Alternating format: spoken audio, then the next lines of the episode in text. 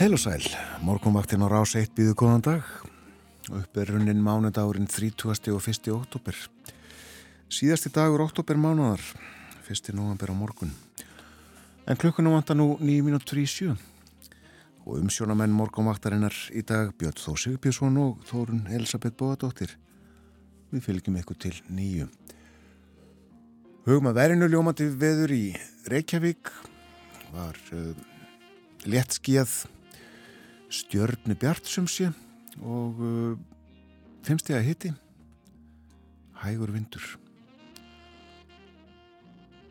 Sjöstega hitti á Kvanneri fimm gráður í stikisólmi þar ringdu örlítið klukkan 6 logg fimmstega hitti á Patrísferði þrjár gráður í Bólungavík logg þar, logg líka á Holmavík og fjóra gráður. Fjóra gráður á Blöndósi 5 við Söðunisvita 6 á Akureyri og Húsavík 4 stíða hitti á Rauvarhöfn en 10 stíða hitti á Skeltingstöðum langt síðan ég hef séð tekjast af að hitta tölu klukkan 6 að mótni það var kvast líka 13 metrar á sekundu 7 stíð á Eilstöðum heiðskýrt þar 6 gráður á höfni hotnafyrði 8 á Kvískerjum 5 á Kirkbæðaklaustri sjöstega hitti á Stórhauða í Vestmanni og 6 gráður í Árnesi. Og þá að veðrinu eins og það verður, samkvæmt spánni, suðurlega eða breytilega átt 5-13 metrar á sekundu, kvassast austan til framann af degi en á suðvesturlandi setnipartin. Regning eða súld öðru kvoru í flestum landslutum í dag og hitin 2-10 stiga deginum hlýjast siðst. Það dregur úr úrkomu í nótt og á morgun suðlega átt 3-10 metrar á sekundu og skíjað með köplum. Þurft að mestu en dálítil væta norðan til. Snýst í austlega átt 5-13 metrar á sekundu síðdegis á morgun og ryggning siðst seint annarkvöld og hitin sveipaður 2-9 stigi við daginn. Þannig eru veðurhorfurnar í dag, mánudag og á morgun þriðudag. Þá kannski þess að horfunum á morgumvaktinni. Við fjöllum um úrslitt fórsettakostningana í Brasilíu. Það lítur út fyrir að Lula hafi haft betur. Meira en það og eftir. Hér verður líka áhrifamesta vísindakona Evrópu, Unnur Þorstensdóttir.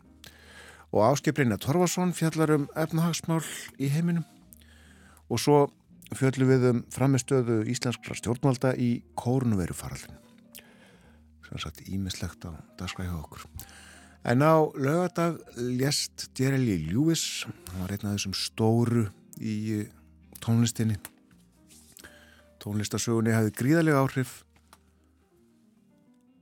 líklega heldur á snemt fyrir Great Balls of Fire, en hlustum á að syngja lag sem að flestir þekkja, Over the Rainbow. Bluebirds fly, they're flying high over that old rainbow. I wonder why, Lord,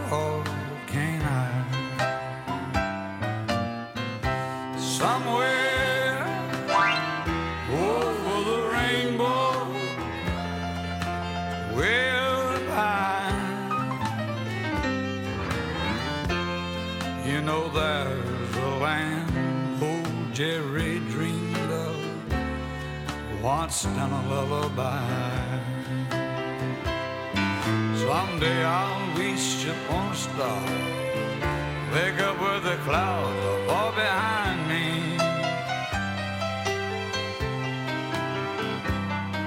Where kisses are melting like lemon drops, way above the chimney tops. That's where you'll find Somewhere over the rainbow, bluebirds fly. They're flying high over the rainbow. I wonder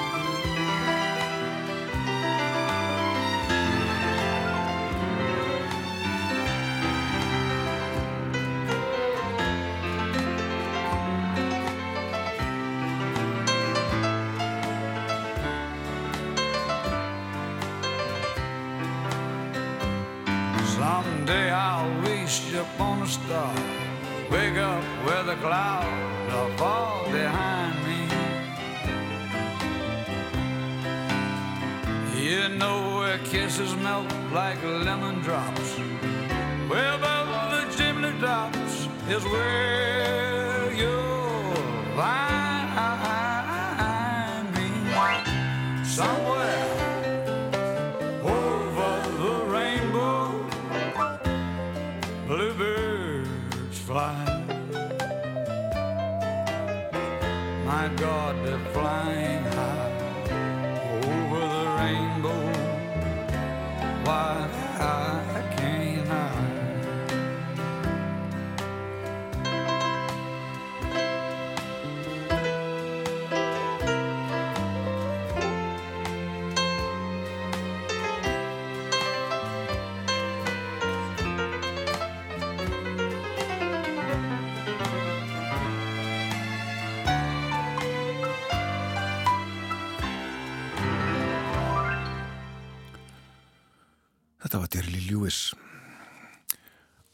Over the Rainbow.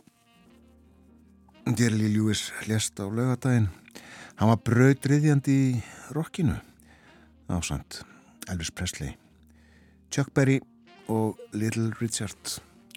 Rutti brautina fyrir alla hina. Tók þátt í má segja að eh, búa til alveg heila tónlistastefnu sem hafi gríðarlega áhrif á heiminn.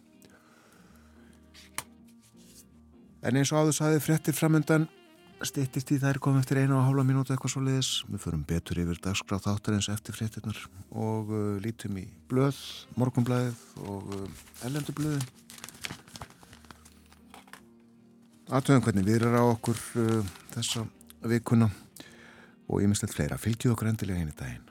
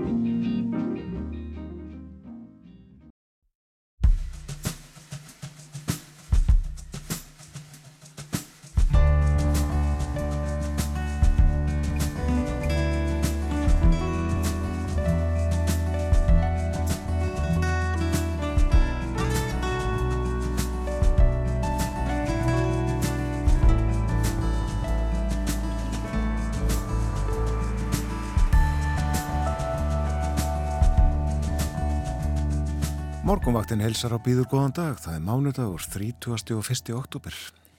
Stjórnvöld stóðu svo vel í kórunuvera faraldrinum. Þau fá ágættis engun í áfallastjórnun. Sér skipu þryggjamanna nefnd mat framistöðuna og skilaði niðurstöðum í 500 blaðsína skýrslu. Formaður nefndarinnar, Ástildur Elva Bernhardsdóttir, dósent við Háskólan á Bifröst, kemur til okkar klukkan halv åtta. Áskeið Brynja Torfarsson verður líka með okkur í dag við fjöllum um efnahagsmál og fjármáli heiminum og að þessu sinni beinum við sjónum meðal annars að Kína, kommunistaflokkurinn sem öllu ræður, hjælt þingsitt á dögunum og lagði línur fyrir framtíðina. Kína er annað stærsta efnahagsveldi heims og við spyrjum, munu kínverjar taka fram úr bandarækjumönnum hvað það varðar.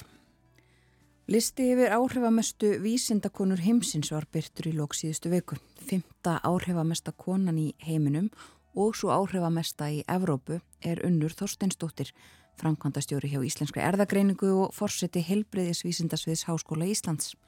Unnur verður gestur okkar upp úr klukkan hálf nýju og segir okkur frá störfum sínum og þýðingu lista eins og þess sem hún trónir á topnum á.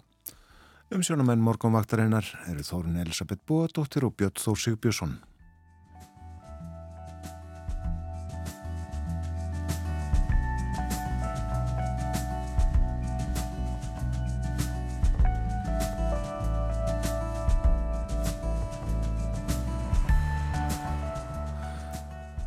Fínt viður á landinu þannig morgunin eh, svolítið kvast kannski sumstaðar til dæmis 13 eh, metrar vistur, á, á eh, landi 9 metrar á Holtaverði heiðinni.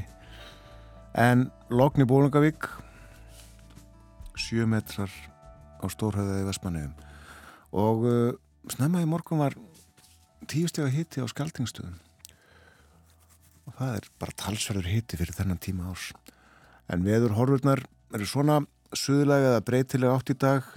Vintraði að 13 metrum og það verður kvassast austan til framan af degi en á suðvesturlandi setnipartin og rigning eða súldu eru kóru í flestum nánslutum og hitti 2 til 10 stig í dag og hlýjast síðst það dregur svo úr úrkominni næstu nótt.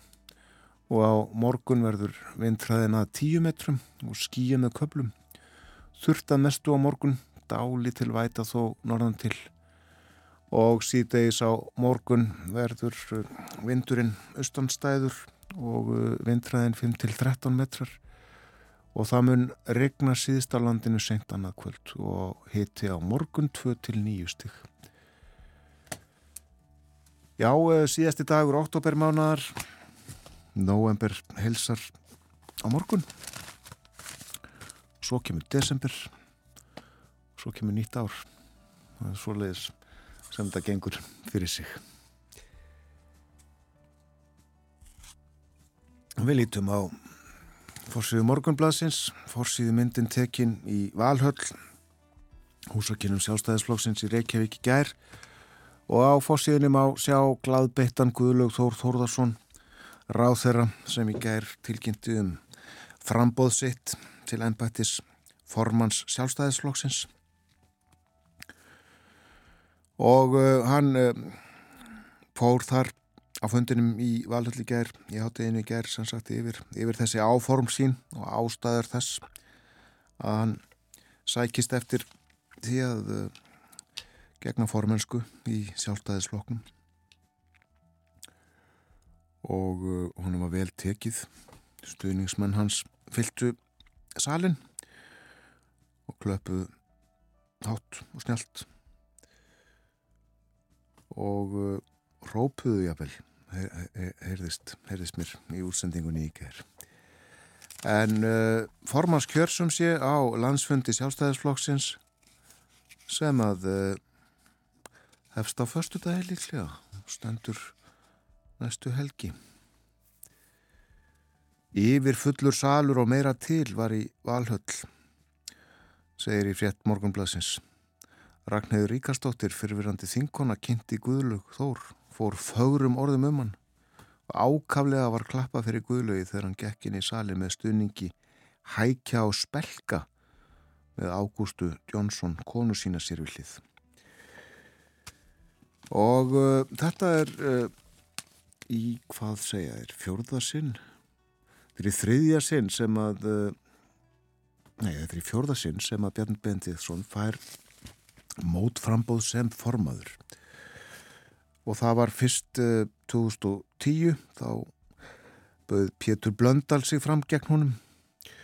Svo var það Hanna Birna Kristjánsdóttir sem að bauð sig fram 2011 og Haldur Gunnarsson 2013 og nú sem sagt Guðlugur Þór Þórðarsson en uh, það var líka kostning þegar Bjarni var kjörinn fyrsta sinn þá voru hann og Kristján Þóru Júliusson í frambóðiði mannrétt en uh, fórsýðu fréttin er um uh, loka rimuna á fyrser slembimótinu sem að fár fram í Reykjavík síðustu daga frá því síðustu vik og lauk í gær með Sigri Hikaru Nakamura. Og uh, hann er bandarækjamaður og uh, lagði Jan Nemo Nemo Minazzi í úslita rimmu með þremur vinningum gegn tveimur. Og uh, er hann því heimsmeistar í Fisser Slembiskák. Og það var haft orðaði að líkt á fyrir 50 árum að þá mættust bandarækjamaður og rússi í einvigi um heimsmeistra titil í Reykjavík. Og þetta mótæmi taldið til að minnast einvís aldarinnar þegar þeir áttust við Fissir og Spassky í Reykjavík á sín tíma. En það er rætt hér við Nakamura. Hann fættist í Japan á japanska móður bandaríska föður, nei, líklega bandaríska móður en japanskan föður.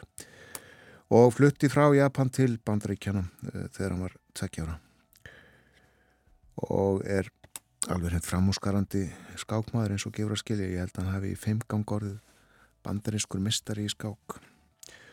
Og uh, var það á sínum tíma uh, já ég ætti nú kannski ekki að segja þetta ég stend ekki alveg, alveg fast, fast er með fast land undir fótum þessum ég, hann er með yngstu mönnum til þess að vera stórmestri allavega yngstu mönnum í bandaríkjum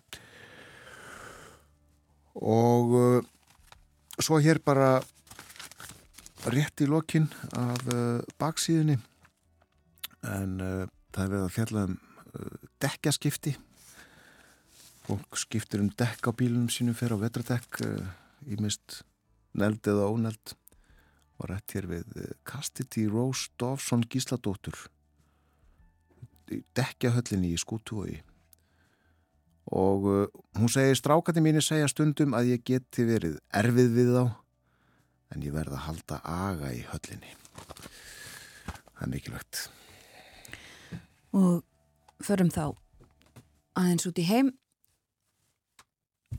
Það verður kosið í Danmörku í þessari viku á morgun og eh, fjallað um þau mál á forsýðum dönskublaðana segir á forsýðu politíken að eh, það hafi litið út fyrir það lengi vel að loftslagsmál eruðu útundan í, uh, í kostningabortunni myndu drukna í öðrum krísum eins og það er orðað en uh, bæði í kostningabortunni og uh, svo núna um helgina varðljóst að svo væri ekki allar kostningar eru loftslagskostningar er sagt hér. Um, og það er fjallað um þetta líka á, á fórsíðun á informasjón og það er sagt var haldinn fundur, úti fundur loftslagsfundur fólksins í Kaupmannahöfn og uh, það mættu um 50.000 manns segir hér á fórsíðunum og uh, þannig sínt fram á að þessi mál séu ofarlega í huga danskra kjósenda og dansks almennings. Og Við fylgjum stöðu þetta með eh, kostningunum, úrslitum þeirra hér á morgunvaktinni síðar í vikunni.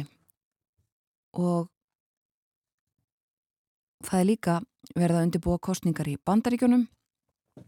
Eh, það eru fórsýðu frettir á meðal annars á fórsýðun á New York Times í dag.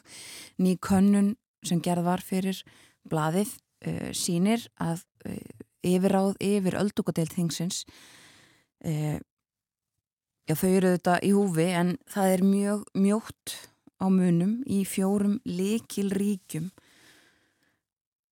þar sem að kosi verður um nýjan öldungadeilda þingmann. Þetta er í Nevada og Georgíu, Pennsylvania og Arizona mjótt á munum og erfitt að segja til um hvernig fer. Nú er það þannig að það eru 50 öldökudelda þingmenn republikana og 50 demokrata en uh, demokrater hafa úrslita atkvæðið með Kamilu Harris varafórsita og uh, fjallaðum það í, uh, í fjölmjölum núna að margir kjósundur í bandaríkjum sem tala var við þeir vilja að republikanar fái yfir, yfir öldungudeldinni en líst samt betur á frambjóðanda demokrata í sínu eigin ríki. Þannig að e, því ég slegið upp hér á í New York Times að e, republikanar e, þeir gætu sagt, það gæti verið slemt fyrir þá þeirra eigin mannval komið í kollin á þeim en við fylgjumst áfram með þessu málum á morgumvaktinni og það eru enn fleiri kostningar sem við ætlum að fjallum Það var kosið í Brasilíu gær, setni umferð brasilísku fórsættukostningarna. Við heyrðum um þetta í frettunum. Úrslitin ljós. Og við erum komin í samband við Luciano Dutra sem var hjá okkur um daginn fjallaði um uh, kostningarnar í aðdraðanda þeirra heil og sætla og góðan dag Já, sannlega góðan og blessan dag. Já, þú er gladur í dag? Já, það er ekkert uh, annar hætti í, í stöðu. Uh, lengsta nótt í, í hérna, sögu Brasilju er uh, á enda.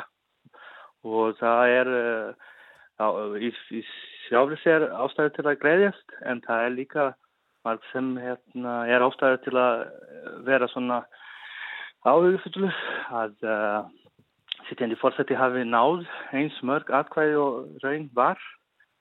Þannig að þetta er svona miskipt úrslita mínu, mínu mati. Já. E, já, fyrir fólk sem að vara að kveikja á útastækinu þá eh, hafiði Lula sem sagt betur en það er afskaplega lítill munur á milli Lula og Bolsonaro. Farðaðins yfir tölutnar fyrir okkur, Luciano?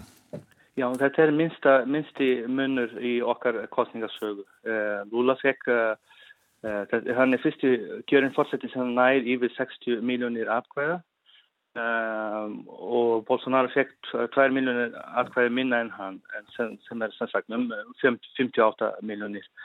Þetta eru gríðarlega tölur og þetta er bara alveg eins og hefur gerst í bandaríkunum síðast að uh, sitjandi fórsætti tapaði en samt náði fleiri atkvæði heldur en hann fekk þegar hann kjörinn á undan, fjögur ára á undan.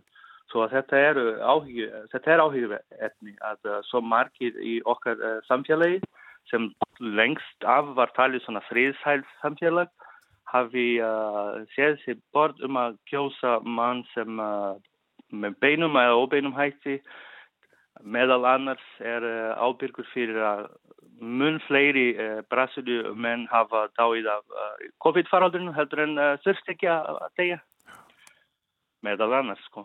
Já, þegar þú varst hjá okkur um daginn fyrir rúmi mánuði að þá rættuði meðal annars að þá voru uppið áhegjur um að Bolsonaro myndi ekki virða niðurstöðu, þannig að myndi saka Lula og hans fólkum svindl. Hefur þú heyrt um eitthvað svoleiðis frá Brasilíu í nótt? Þetta er Þetta er ekkert nýtt, þetta, hann hefur verið að koma með einhver, einhver efasendur um kostningakerfi síðan, fyrir tveimur árum síðan býrinn hann á, í að þetta írði ekki réttmættar og lögumættar kostningar sem uh, engin annar sem sektir til mála geti verið samálum og hann er bara sögull síðan í, í, í, í gær, síðan hann kaus í hérna, gær fyrir dag uh, í gærminni og, og hann hefur ekki ringt í, Lula til að segja honum til lukku með kostningu eins og hérna hefði er fyrir og um, já,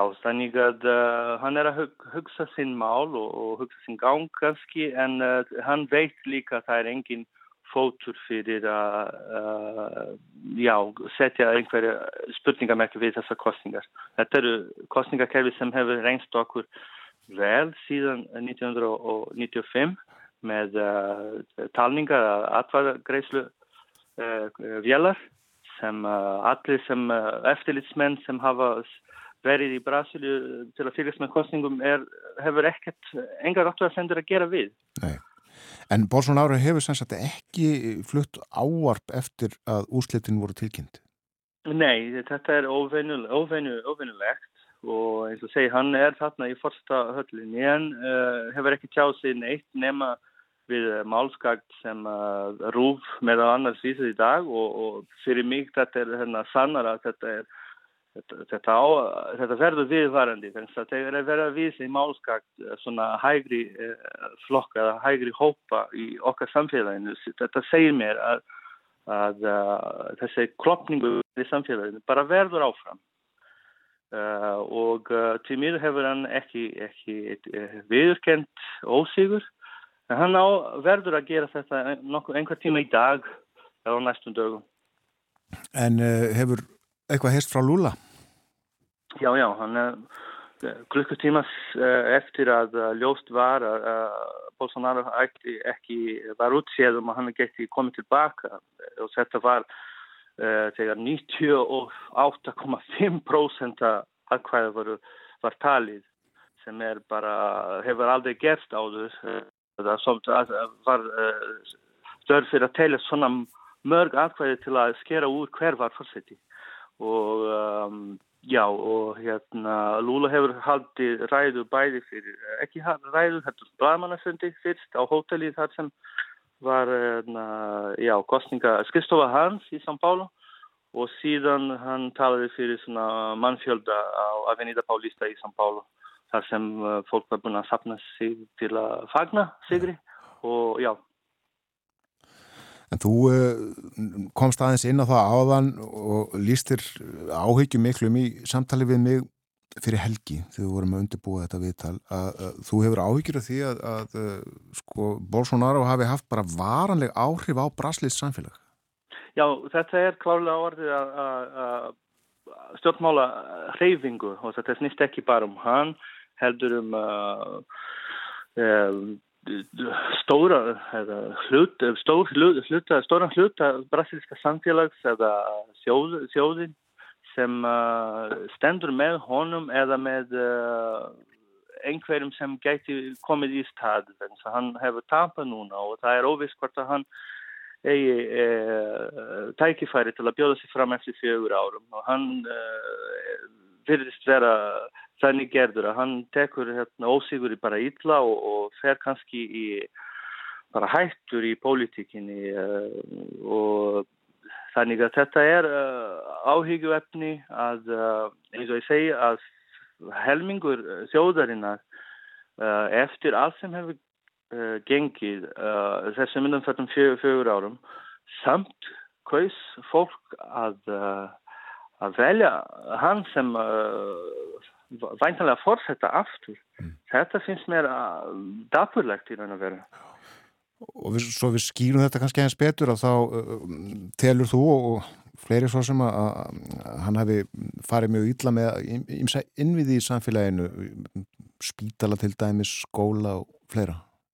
Já, þetta allt er í, í rústum einum, uh, svona í stuttum áli og það, uh, það verður mjög erfitt fyrir hérna for, fórsetta sem tekur við frá honum 1. januar að laga innviðin og meira í fyrsta lagi að andrumslofti í samfélaginu, samfélaginu verði tannig að það sé stemning fyrir endurbyggingu og að já, bara vinna sér upp úr þeirri stöðu sem við erum komið núna sem er afar, afar erfitt að minna mati. Þannig að Með... Lúla á, á erfitt verk fyrir höndum? Já, miklu, miklu erfiðra heldur en að hann hafði fyrir, þegar hann var kjörinn fyrst og var svo endur kjörinn uh, og heimurinn var öðruvísi þá, var engin stríð í gangi í, í Evropu og um, já, landbúnaðar vöru sem Brasilia fyrst og fremst uh, flyttur út, uh, fegst bara hæri verð fyrir, fyrir þær þá og um, verðbólgan var í, í lá, lámarki þá, atvinnuleysi var uh, ekki eins mikið og núna. Þannig að þetta er uh, bara mjög erfitt stað eins og ég segi svona stuttum máli. Segjum þetta gott. Þakkaði kellaði fyrir spjallið uh, núna fljótlega eftir að úrsliturðu ljós í kostningunum í Brasilíu. Njóttu dagsins, Luciano Dutra Takk, takk. Luciano var hjá okkur hjá fyrir uh, rúmi mánuði og þá var útlitt fyrir að Lúlo myndi, myndi hafa betur og uh, hann byði það á uh, stöðunni í skoðanakönnum sem að þá hefur verið gerðar og svo kosið og uh, kom þá í ljós að miklu minni munur var á Lula og Bolsonaro heldur en kannanir höfðu sínt fram á Já. og uh, fylgismenn Lula óttuðust jafnvel að Bolsonaro myndi hafa betur. En það fór ekki og uh, Lula er fórseti, verður næsti fórseti Brasilíu, tekur við um áramót og uh, vann með eila minsta mögulega mun. Já, og uh, aðrir þjóðarleðtóar teknir til við að óska Lula til hamingju með sigurinn. Joe Biden bandaríkjafórseti uh, óskaði honum til hamingju og uh, íttu undir þetta að uh, kostningarnar hefðu verið frjálsar og uh, samgjarnar. Sömulegis Justin Trudeau, uh, þeirra Kanada, uh, hefur sagt að hann laki til að vinna með Lula. Emmanuel Macron uh, líka óskað honum til hamingju. Þetta sé ný blaðsíða í sögu Brasilíu. Og fórsetir á þeirra Spánar Petru Sánchez segir að Brasilia hafi ákveðið að uh, veðja á framfarir og von og ymsir fleiri sem að hafa uh, hafa líst yfir ánægu og óskað lúla til hamingju með þetta. Vladimir Putin Rúslandsfórseti er eitt þeirra sem hefur óskað honum til hamingju líst þig yfir að hann vonist til þess að tengsl Rúslands og Brasilíu uh, haldi og samvinna uh, sumuleiðis en það berðst frettir af því í morgunsárið núna að það sé verið að gera stórtækar loftarósir á Úkrænu Vladimir Putin hafi svo satt fyrirskipað það eða hans menn. 40 eldflögar segir eh, hátsettur ráðgjafi Úkrænufórseta 40 eldflögum skotið á loft til Úkrænu í morgun. Og eh, verða ráðast á innviði meðal annars í Kív höfuborginni og sömulegis í, í borginni Karkív í norðaustur hluta landsins. Og víða annar staðar uh, þetta er svona uh, ný nýfarnar að berast frettir af þessu minnst okkosti áttasprengingar sem hafa heyrst eh, sjöð áttasprengingar í eh, Kíf segir eh, hér á VF Guardian haft eftir fólki í Úkrænu og örlítið meira af erlendum frettum það eru líka að voru um 400 manns á brú í Indlandi sem að hrundi að minnst okkurstu 130 söglátin 140 jafnvel eh, þegar að þessi brú hrundi ofan í á. Við heyrum líklega meira af þessu í fréttum í dag. Og uh, sömuleiðis verða fjalla um Suðu Kóri hörmungar sem þar urðu um helgina þegar verið var uh, mestuleiti ungt fólk að uh, fagna hrekkjavöku sem að er í dag um, í hverfi sem að er svona þekkt fyrir skemmtanlíf í Seúl í Suðukóri mikill fjöldi ungsfólk sem að þar hefur látist og verið að sagt, fyrstu útvarðnar að fara fram í dag og verið að rannsaka hvernig þetta gætt gerst. Fólk uh, tróðust undir og kapnaði í uh, mannmerðinni.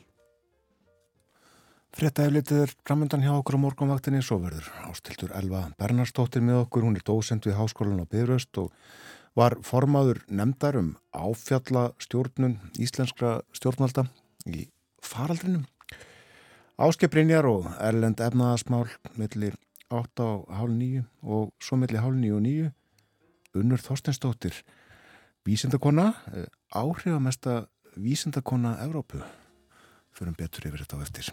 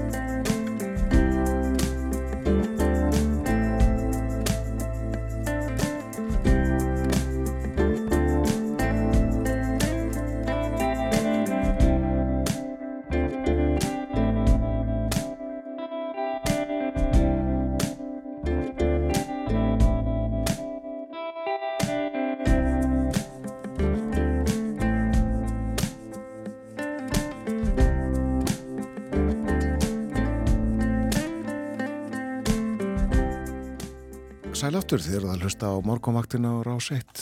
Emsjónamenn þáttarins þennan morgunin Þórun Elisabeth og Björn Þór. Við verðum hér til nýju í dag. Það er mánudagurinn í vinnuvika hafinn. En síðasti dagur oktobermánadar, fyrsti november á morgun.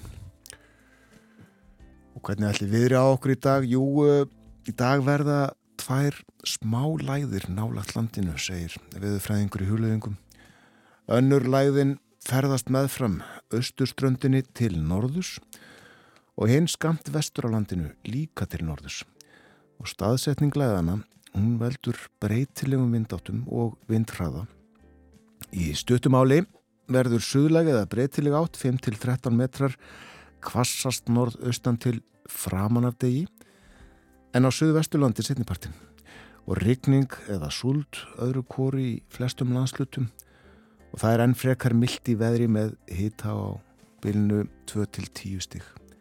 Á morgun þriðudag snýst í austlæga átt 5-10 það létti til en lítilsháttar væta verður norð-vestan til í fyrstu og það bætir í vind setnipartin á morgun og fyrir að regna síðst sent annað kvöld hiti breytist lítið. Og á miðugudag, svo ég haldi áfram, þá snýst í norrlega átt, vindræði að 13 metrum Það mun rigna víða, sumstaðar verður slitta, sumstaðar fyrir norðan. Og svo dregur úr úrkomunni sunnan til setnipartin á miðugudagin og hiti á miðugudag að sjöstegum hlýjast síðist sem sagt aðeins svalara heldurinn í dag og morgun. En ég sé í dagbók að þannig dag 1517 fyrir 505 árum þá hengdi Martin Luther skjál í 95 greinum á kirkjutinnar í Wittenberg kastala og hóf með því siðbótina. Já, 505 ár síðan í dag. Við föllum um þetta heilmikið um þetta hér á morgunvaktinni fyrir 5 árum þegar 500 ár voru liðin og það var gert víða í fjölmennum um heim allan. En Luther vildi, eða heim allan, eh, allavega mjög víða í Európu og allstaðar í Európu leiðum við að segja.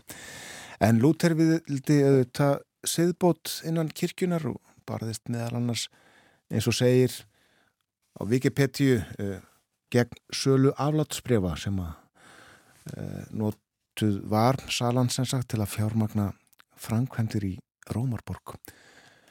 Sveit Valgersson prestur þýtti greinarnar 95, fyrsta er svona í hans þýðingu.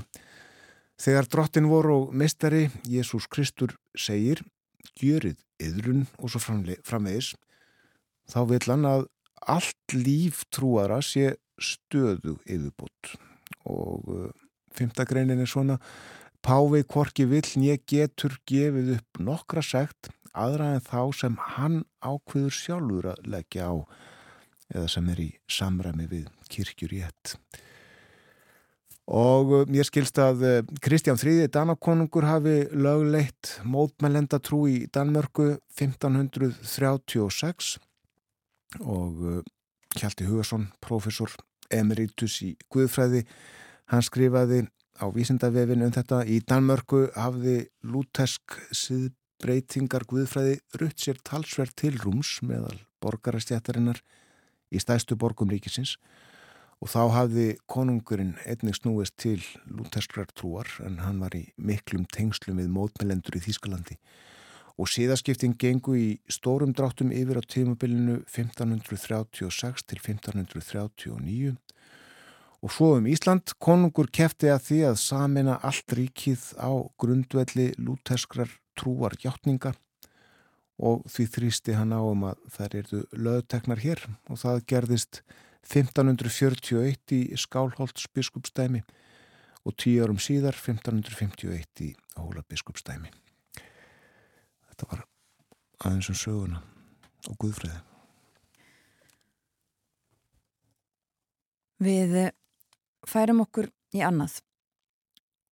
Í síðustu viku kom út skýrsla 500 eh, blaðsíður og hún snýri að áfalla stjórnun íslenskra stjórnvalda.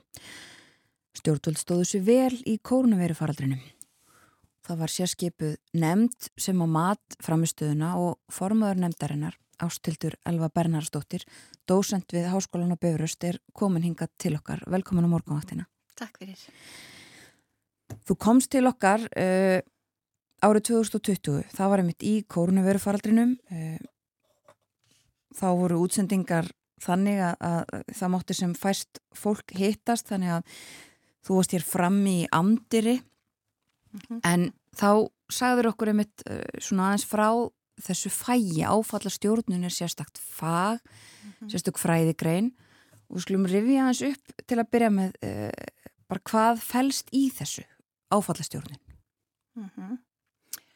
Já, áfallastjórnun er þetta ferli sem snýst um það að meta uh, áhættu og varna eða undirbú okkur fyrir hana og ef hún raungerist þá að bregðast við henni og, uh, og hérna byggja upp á nýju og læra af áfallinu.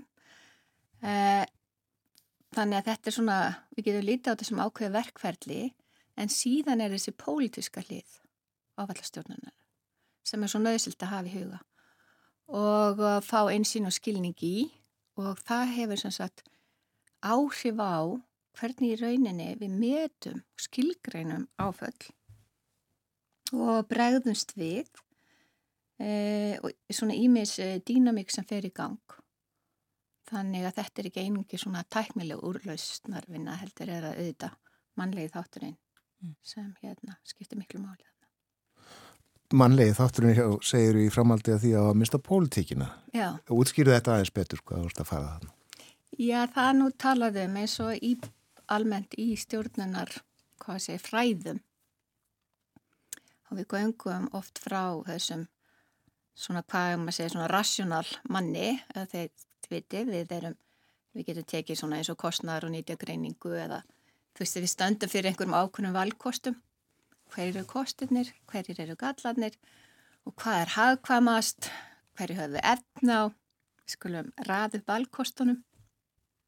En þetta er ekki svo einfalt vegna þess að við höfum náttúrulega ákveðin gildi og þegar það kemur náttúrulega að áfallastjórnum það sem, og við skilgrinum áfall þannig að það eru kringumstæði þar sem eru mikilvæg gildi í húfi. Og við verðum að gera svolítið bregðast við og á þessum tíma sem er mikil óvisa og við erum í tímapressu. Þannig að, að það að við séum að hérna, þetta snýst um gildi. Þannig að og þá erum við náttúrulega komin með eh, oft komar að segja ólík lífskildi, ólíkar áherslur og síðan þetta bara mannlega það að standa í áfalli og vera ábyrg fyrir, fyrir hérna viðbröðum og það sem við erum að gera oft þegar við erum að greina áfallastjórnun þá erum við alltaf að reyna að skilja af hverju tökum við ákvarðanir á þann hátt sem við tökum. Og um, við erum að gera það náttúrulega bæði þetta til þess að bæta okkur fyrir næsta áfall. Uh, en það sem er líka sem ég finnst heitlandi og líka virkilega nýtilt fyrir okkur það er að skoða áfallastjórnum til þess að læra um okkur sjálf að því eins og þið viti þegar við erum í svona ástandi þegar allt er svona þannig til þess ítrasta og við getum bara letið á stjórnsýsluna sjálfa að þá svona koma upp á yfirborðið svona hérna ímisli bæði veikleikar og styrkleikar. Þannig að það er einstaktt tækifæri að horfa á þetta og meta og hérna bara læra betur um okkur sjálf og þá að sjá og það getur auðvitað orðið til breytinga Núna, við þarfum að það geta breyst og svo framvis. Þannig að þetta er, þetta er svona margslungið, eh, hvað maður segir, ef maður er að horfa á þetta sem greinandi þá er þetta margslungið á hverju við erum að skoða þetta. Eða svona það sem drýfur okkur áfram í að skoða áfællin og mm. áfælla stjórnuna. Og uh, já, ég, ég get náttúrulega haldið endur stáfram en það er náttúrulega fyrir okkur Íslendinga, við erum náttúrulega svo vön náttúruhamförunum og, og það þýður auðvitað það líka að við erum, við erum með góður í þjálfun sem almanvarna kerfi. Uh, en við eins og uh, aðra þjóðir að við erum alltaf að taka okkur flóknari áföll sem krefst þess að við svona útvikum og hérna skiljum, skiljum svona markbreytileika mm. áfallan og sjáum svona horfendaldi framfyrir okkur. Þetta, við höfum þetta lendi í ímsu hér á, á þessu landi. Mm -hmm. Þetta er öðruvísi, þetta stóði tvö ár. Já. Já. Og við hefum líklega fátt svona á síðustu árum eða áratögum í samanbyrði sem að er svona, er stöðugt að, að glíma við með einhverjum hætti og leggst svona á alla innviði. Og á alla, já. já og, og í rauninni það líka maður hugsaður út frá sko í viðbröðum að eh, ábyrðaræðilega stjórnendur þeir fyrir náttúrulega alltaf að vera meta stöðuna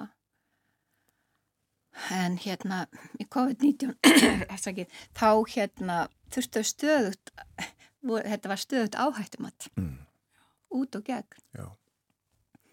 Og líka það sem er svo eins og við komum að í skýslunni að þetta var svona, svona margslungi áfall. Og eina svona, ein svona tegund, ef við getum sagt það, hérna áfalla sem það stóð samastóða, það var þessi samstöð áskorun og það er náttúrulega skífuleg áskorun að halda samstöðu þjóðar yfir tvö ár. Og um, en einhvern veginn tókst þetta en auðvitað uh, var allt, var hvað samstæðan var sterkust og öflugust fyrst. Já, mm. Já það er margt í þessu, uh, sko, oft höfum við bara farið eitthvað ef það hefur gengið ítla á Íslandi. Mm. Það var ekki hægt núna. Nei. Það var sama ástand annar staðar. Mm. Og uh, þjóður hafa líka fengið aðstóð utanafrá, utanakomandi aðstóð. Það var ekki hægt. Það var sama ástand allstaðar, all, allstaðar annar staðar. -hmm. Þannig að þetta er mjög svona, alveg, svona sérstakt að fjalla um fyrir ykkur bara til þess að meta þetta svona fræðilega séð líka. Já, já, já, en það er líka eins og maður er að horfa núna það að, að greina, skoða þetta áfall í dag, maður svona undistrykar, það hefur bæðið sínum kost og galla að gera það svona alltaf tíma. Kostirnir eru það að við erum setjast niður strax og við erum að tala við þetta fólk sem var í eldlínunni og þið viti það líka þegar eins og það kemur áfall eftir áfall. En, og minnið okkar er bara þannig að það fennir fljótt yfir. Og ég mm. tala um um þegar það eru erfiðir erfiðir hlutir.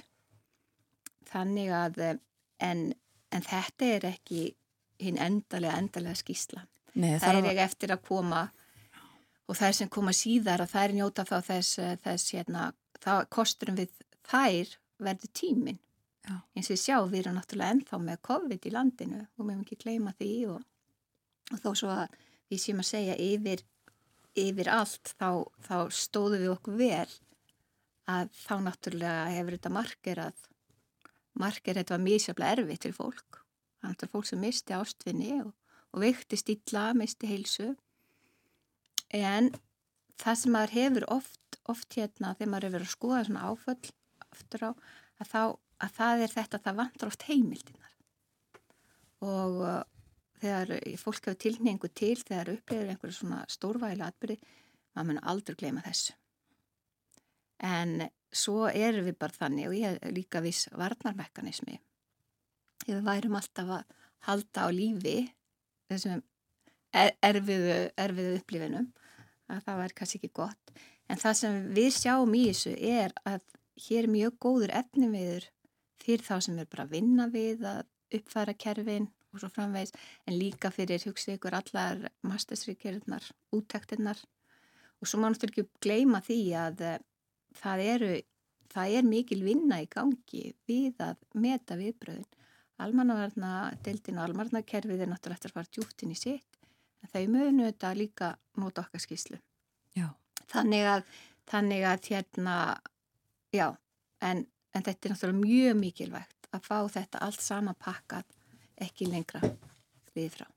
Já, já, uh, þú nefnir einmitt almannavarnakerfið og það að það er verið að skoða þetta víða. Förum aðeins einmitt í þetta sko að því að þó að þessi skýsla sé yfirgripsmikil og fari yfir margt þá, uh, þá skoðar hún ekki allt sem að við kemur þessum faraldri eða viðbröðum allra uh, nefnd okkur aðeins sko það sem að þið voru til dæmis ekki að skoða.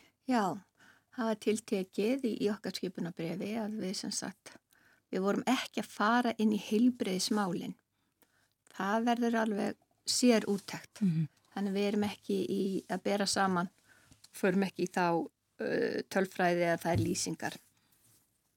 Og við erum ekki að skoða sérstaklega etnagasmálin það var þegar verið gerðar skýslur og er náttúrulega verða unnar áfram. Þannig að þetta er svona stóri póstar sem við erum ekki að kafa djúft í. Mm. en auðvitað er ímeinslega sem kemur þarna inn í ákvörðantökuna sem við minnumst á það sem er verið að glíma við. En, hérna, en það er þá eins og ég segi út frá sjónarhórni áfallastjórnunar.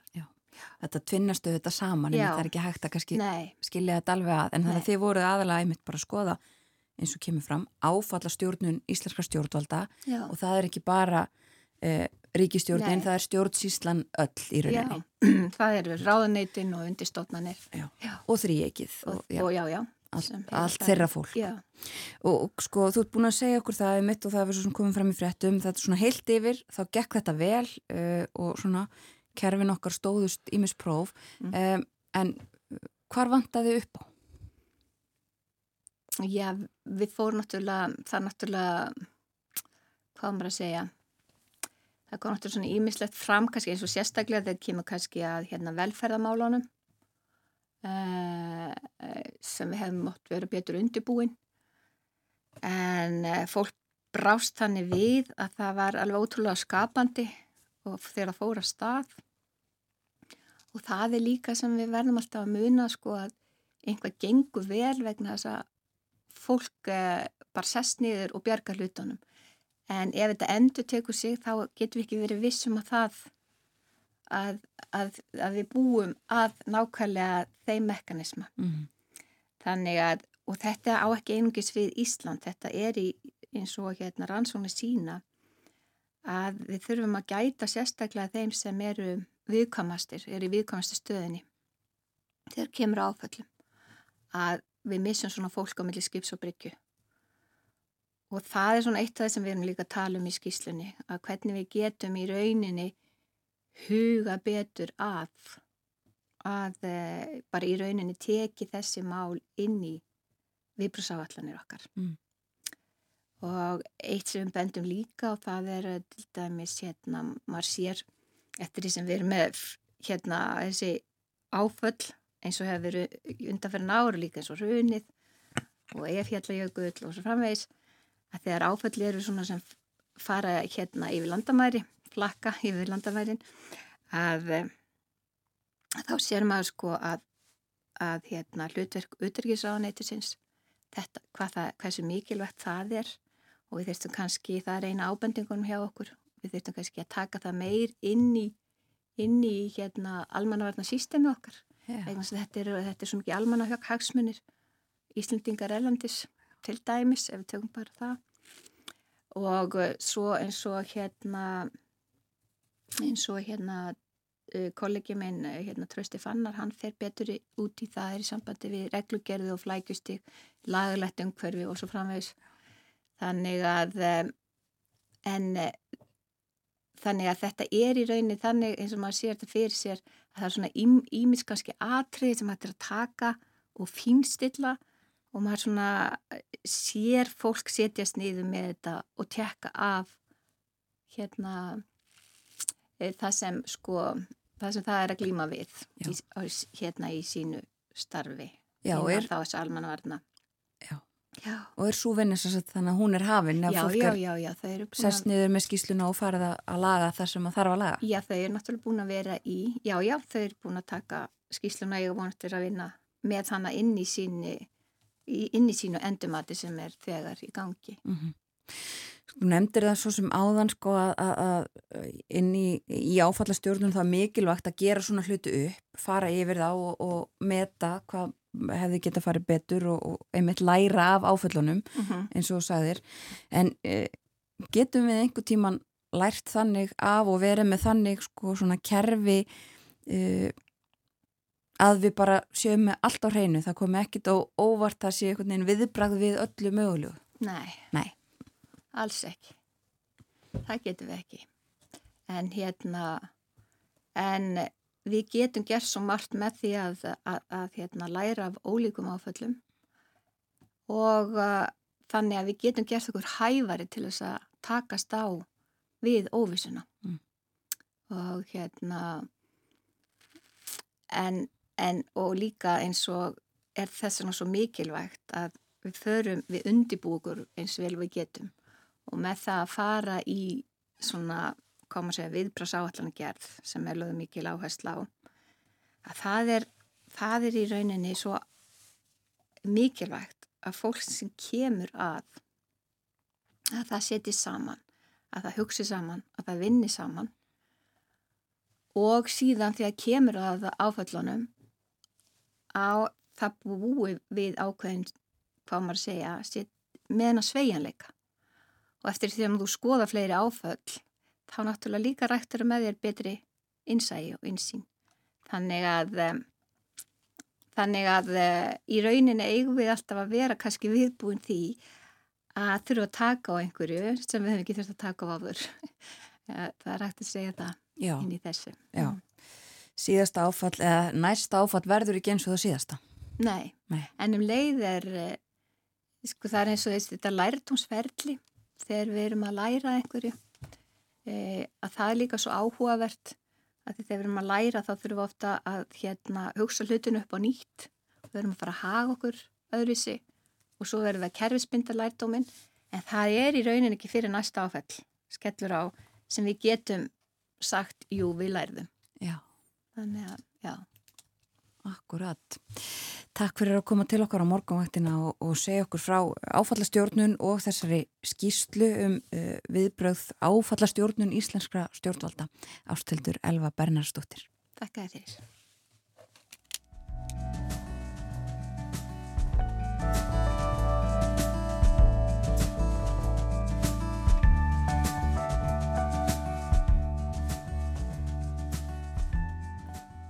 Ástildur Elva Bernhardsdóttir er dósend við Háskólan og Befuröst og var formaður nefndar um áfallastjórnun íslenskra stjórnvalda í eh, COVID-19 faraldrinu.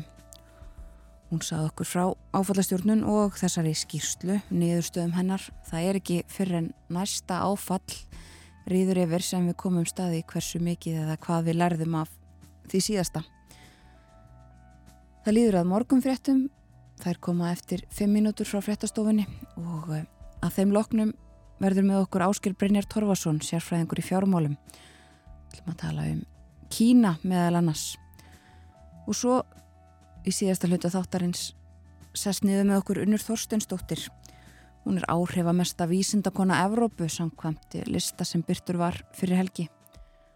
Hún ætlar að segja okkur frá rannsóknum sínum og ímsu uh, fleiru. Það verður upp úr klokkan hálf nýju. En næst á dags frá morgunvaktarinnar auglýsingar og svo morgunfréttir.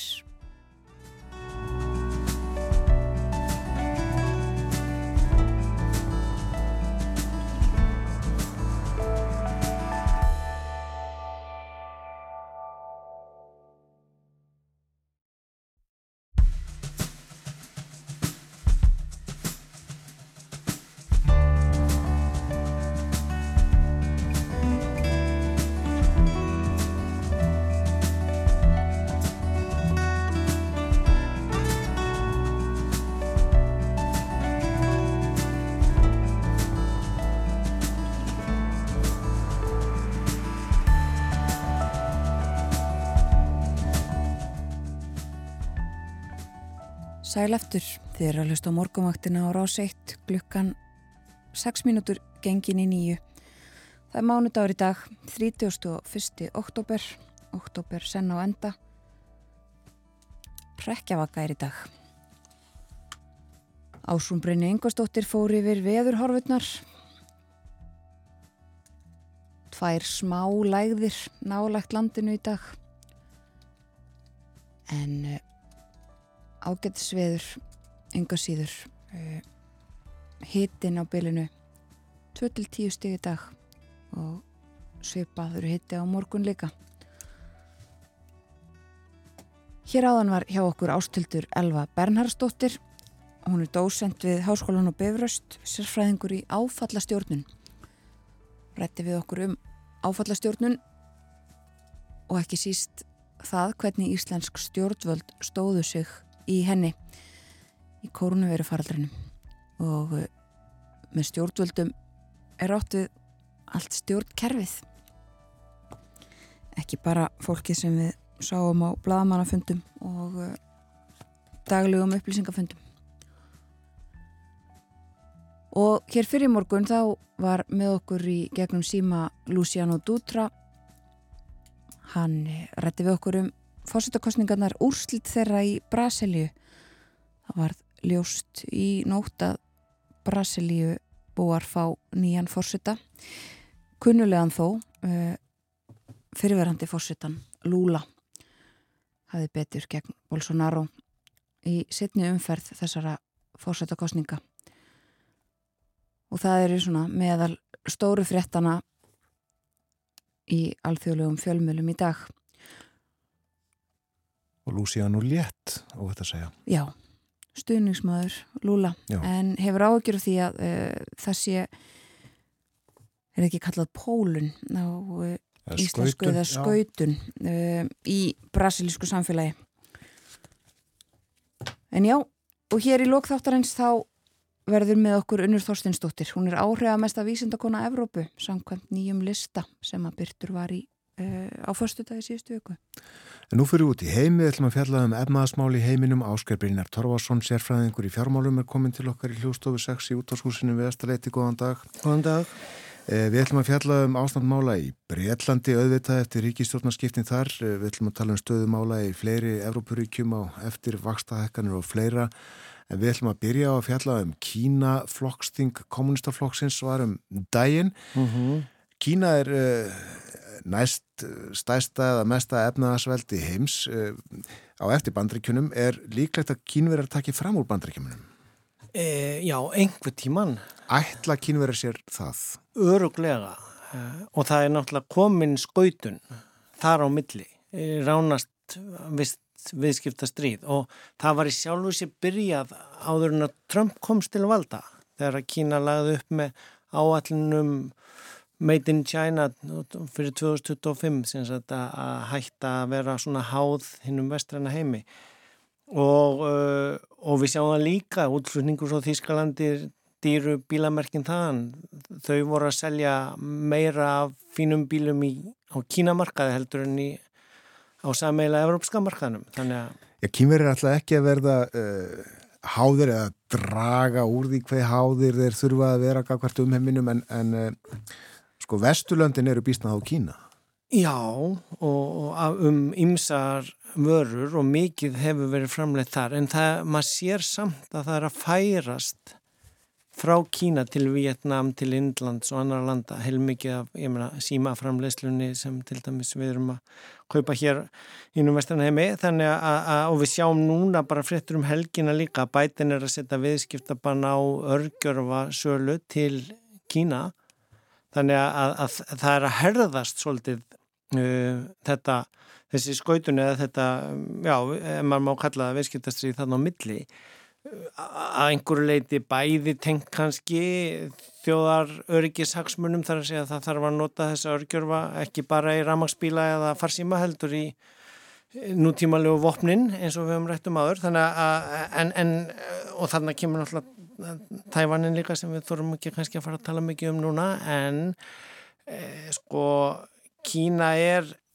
e, með 17 18 triljónir bandarækjadala í, í landsframleysluna meðan að bandarækin eru 23 þannig að einhverjum, á einhverjum tímapunkti skriðaði fram úr en, en ástæðan fyrir að ég, ég þóri að segja að þeir muni verða starri er einfallega að þeir eru uh, sko fjóru sinnum fleiri Já.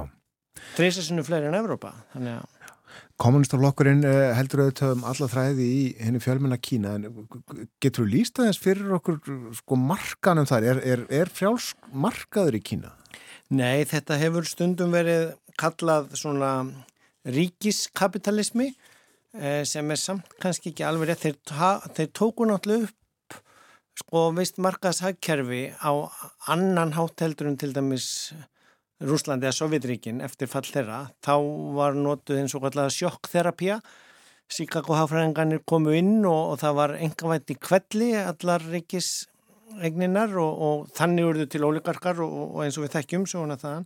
Kína fór mun hægari leið uh, og hefur á margan hátt verið, hvað maður að segja, svona já, í, í hagfræðilegum skilningi mjög árangusríkt, búin að vera með 8% hagvöxt að meðaltali á hverju ári frá 1980 þángar til að COVID kom 2019 eh, þannig að, en að halda að það sé vegna markasvæðingarnar eða hinn frjálsi markaður drægi þá frá mér raung álíktun þetta er e, búið að vera drefið áfram á þessum tíma með ofinberi fjárfestingu. Þar að segja þeir voru náttúrulega eftir má tíman sem sagt landa á eftir og þú þarft að byggja upp samfélag með mikilli fjárfestingu. Eh, það er svolítið síðan ég skoðaði það en þeir voru að opna háskóla á stærðið Háskóla Íslands í hverju viku. Eh, og ef þú gerir það í hverju viku eða jáfnvel örar eh, í nokkur ár sko, þá, þá sérðu hver vöxturinn er og ég hef einhvern tíðan áður nefnt hér þegar þeir drifu áfram heimsækjörfi eftir sunni 2008 að Nótkun Kína á sementi á þremur árum 2013 til 2016 var jafn mikil og bandaríkin á öldin á undan. Já. Þannig að það er náttúrulega þessi uppbygging og hún er drefin áfram af ofinberi fjárfæstingu í innviðum og í mentakerfi þannig að, að auðvita nýtur eh, enga markaðurinn góðs af því og það verða til fyrirtæki, enga fyrirtæki sem að framleiða símanna fyrir Apple og Samsung eða eitthvað þessu þar eh, en, en e, sko það sem að maður sér núna, vandin er það svolítið erfitt að treysta ofinbörum hátölum þann að því þetta er ekki alveg já, fyllilega líðræðislegt ríki með, með hérna svona sjálfstæðar mikilvægar stopnanir sem er að skaffa þær tölur. Og þá, þá verður maður alltaf að reyna að taka þær svona með smá salti. En, en sko samdrátturinn í fjárfestingunni er náttúrulega bara því að það er eiginlega komin áratúr síðan að þeir voru búinir að fylla upp í þessa fjárfestingathörf sem þurfti. En þegar þú stóðum vanur hagvextinu sem kemur af þessari fjárfestingu að þá er svo mikið eh, svona freistandi haldunum áfram. Og, og það sér maður náttúrulega í já, bæði kannski góðri fjárfestinga eins og þeir fóru í að grænvæða orkukerfin sínum, fara úr kóla og verum yfir í, í umhverfisvætni orkuverð sem getur verið gott, en líka í kannski of fjárfestingu í húsnæði og fastegnum og, og, og maður svona er að sjá ansi mörg merkjum að það sé farið svona, já, hólast undan þessu og, og svo kannski ef ég má nota markaðin frekar en, en, en, en hérna, einhverjar kenningar að þá sko brást markaðurinn ekkit sérlega vel við fréttunum af þingi uh, flokksins þegar að leittógin feldi úr gildi regluna um að hann þurfti að hætta vegna aldurs og hann fer núna inn á þriða kjörnjafabili sem eiginlega sér ekki fyrir endan á. Og, og uh, já, þá er, erum við svona að horfa fram á heldi ansi mikla óvissu og, og svona uh, já, uh, mögulega skringilega tíma um, um, um hvað sé að gerast þar meða við það sem hefur verið að gerast undanfarnar ára tíu. Já, segjum við gott af Kína í byli, eh, meira setna fyrir til Bretlands sko það fór alltaf á annan endan í Bretlandi um daginn þegar Tröss kynnti fjármála áhættunina hún rak svo fjármála ráþransinn Hönd tók við og breytti eða öllu og nú er Súnagorðin fósættisráþurra, Hönd ennþá fjármálaráþurra. Hefur fæst róið við breyst efnaðslíf? Sko áhustunarkráin og ríkiskuldabrifin er orðin álíkóm var fyrir eh, hérna míní fjármála árætlun eh, hennar trös en og, og náttúrulega Súnak var fjármálur á þráður með Boris þannig að hann, hann á kunna þetta en það átti að vera kynnt í dag, morgun ný fjármála áallun Það búið að fresta henni til eitthvað 17.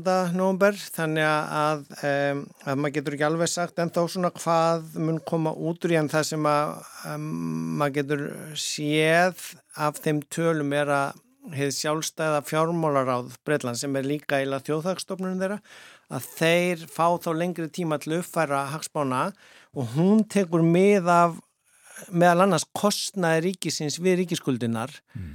Og þegar að núna ástunarkrafan er komin e, niður í það sem hún var áður og þá verður ekki einn stýr skuldin og, og þar með verður gatið aðeins minna sem þarf að loka. Þannig að, að þetta er nú svona e, já, ákveðin töf sem að getur bætt stöðun aðeins og svo hafa nú líka já, komið fram svona eftir á þegar Ríkið settlast að, að Ég kannski saði hérna fyrir tveim byrgum að það hefur verið markaðinni sem hefur tekið völdin af politíkinu en, en það eru núna alveg komna frá kenninga líkum að mögulega hafi það verið stopnaninnar eins og mögulega Englandsbanki sem að hafi raun og verið fælt tröst því að um, hefur mannst þannig fyrir tveim byrgum þegar ég var að tala um að Englandsbanki var þá á förstu deginum að hætta stuðningnum við skuldabriðin. Þeir hefðu náttúrulega geta haldið þeim stuðningi áfram og þá hefðu hinn líðræðslega kjörn kjörni fulltrúi geta haldið áfram með sitt plan sem að, eh, já, hvort sem að maður er sammála því að ekki var einhvers konar útkoma úr einhvers konar eh, liðræðslegri kostningu þannig að þarna var mögulega ofur uh, vald sjálfstæðara stopnana að hafa áhrif á politíkina. Þannig að Sælabankar geta fælt fósættisáðra? Já, þetta er einn kenning af, af Bloomberg, þetta er ekki mín kenning en, en, en hérna, en uh, það er uh, sko það, það, það var óeðlilega mikið flögt í gildunum sem eru 30 ára skuldabref ríkisins og það var augljóslega vegna þess að lífeyrissjóðunir voru búin að skuldsýða sig til að kaupa þau og þar með þegar að verði breytist og þau eruðu veðkull eh, að þá þurftu þeir að selja og þá magnaðist upp þetta fall í verðinu að því að þegar það byrja að brunasala eða ómargir byrja að selja þá hrýnur verði meira en eh, hvað maður að segja, eðlilegt getur talist eða fundamental. Og það þá sem að stórir aðlar eða, eða stopnarnir eins og Sælubankin grípi inn í til að setja golf á verðfallið til að stoppa það. Og, og um það snýst svona deila núna. Hefðu þeir átt að halda bara áfram fram með þessa tvær viku sem þeir gáðu og, og svona styðja við eh, að stoppa fallið á ríkiskuldubrjónum þar að segja að hindra það að kostnaðurna ríkiskuldunum fær upp en þeir stóðu við tíma átluna sína og, og hún törsta sig af sér og, og, og núna er uh, já, komið nýtt, nýtt teimi við stjórnvölinn fyrir sama flokksamt. Tölum þá um Þískaland, uh, sko ríkisjóðurinn Þíski er það ekki reyndið að selja skuldabriðundaginn? Já, þetta var svona kannski ekkert stór frétt en svona, ég hef oft áhuga á litlu fréttunum sem eru svolítið skringilegar og maður vil reyna að skilja hvað er gangi og ef að sko bresk skuldabref ríkisins hafa kannski mátt eðlilega þóla meira flögt síðan 2016 þegar þeir ákvaðu að kjósa sig og fara út úr Európsambandinu og, og með svona eh, sína pólitísku leðtóa sem hafa verið svolítið skröðlegarir eh, að markaðin lítur á það með meiri áhættu, setur meiri á, meira álag á, á, á það. En, en þýskringi skuldabref hafa verið talið svona já, hvað við segja, næst á eftir þeim bandarísku sem örugasta fjárfesting e, e, til að geima peningi og, og þar kemur náttúrulega inn í bæði svona hinn íhaldsama og stjórnaskrárbundna þýska reglum að það með ekki skuldsetja ríki og mikið og, og, hérna, og þau hafa verið mm, e, já, bestu skuldabrifin í Evrópu og fólk sem hefur fjárfæst í þeim hefur verið tilbúið eins og við tölum um hérna á núlvaksta tímanum að hafa hafa jável neikvæða vextaðum að því að það sé já, einn örugast í staður til að geima peningina og ef maður á, á vandræðilega mikið pening eða ef maður er lífur sjóður og þarf að fjárfestan. En, en þarna var útbúð í síðustu viku það sem að bara uh, helmingurinn seldist. Og það er svolítið merkilegt fyrir, fyrir svona skuldarbref en, en þá verður maður að skoða náttúrulega aftur umhverfið og hagvokstinn, það er bæðir komin í stjórnar en líka að það er ekkit svo langt síðan að Þískaland var svona veiki maðurinn í Evrópu, Merkel tók við og, og Þíska hagkerfi var lengi að komast í gang eftir samrunan austur og vestu Þýskalands en, en síðan var það svona vélinn sem dró áfram Evrópu þegar vandraðin voru sunnar í álfunni. En núna í orkokrísunni og hvað við segja þegar það affjúpast hversu háður Þýskur efnaháður var bæði eða að segja því að selja svona mikið af bensum og BMW-fum til Kína og að kaupa út í orkuna frá Rúslandi eh, og uh, minni fjárfesting hins ofinbera í hvort sem að það er uh, innviðum eða or orkoframleyslu eða einhvers konar uppbyggingu til framleiðinökningar þá, þá verða hafastarhöruna miklu verri þar. Og er ríkið þýska þá í vandraða með að fjármagna sig? E, nei, sko, það, það er ekki vandraða með það en, en munurinn á þeim og okkur eða Breitlandi er að þeir hafa ekki sinn eigin sæðlabanka lengur, þeir eru háðir Evrópska selabankunum eh, en þarna er þetta nú meira til markaðurinn að meta horfurna þeirra út frá svona efnaðarsamdrættinu sem er að verða mjög mikil. Og að því að nefndum Kína aðan sjálfskanslari er á leið til Kína, ekki svo? Já, hann er fyrst ekki sjö leittóin sem kemur ánga síðan bara fyrir, fyrir COVID sko og, og hann er náttúrulega já, þarf að halda uppi e, þessu viðskipta sambandi kannski einhver leiti þegar að bætin er á sama tíma að setja viðskipta höft á þau og banna það að selja örgjörfa frá bandaringunum þángað þannig að þetta er e, þetta er kannski ekki pólun eða skautun en við erum að sjá þarna svona tókstreitu milli sterku aðilan í heimsækkerfinu sem að allt er svolítið rey, á reyði skjálfi núna meðan að öll þessi óvisa varir yfir með stríðið við sjáum árástinnar á kýf núna við sjáum að rúsanir stöðuðu flutningin á kortninu frá Úkrænu uh, við sjáum að ríku þjóðin eru búin að vera að kaupa meirinn helmingin af þessu kortni þannig að, að það, það eru svona, já áhrifin af öllu þessu eru bara ennþá að hrista allt kerfið. Og enn eru vextiðin hækkaðir? Já, Evróski Sælabankin tvöfaldaði á í síðustu viku, fóru 0,75 upp í 1,5.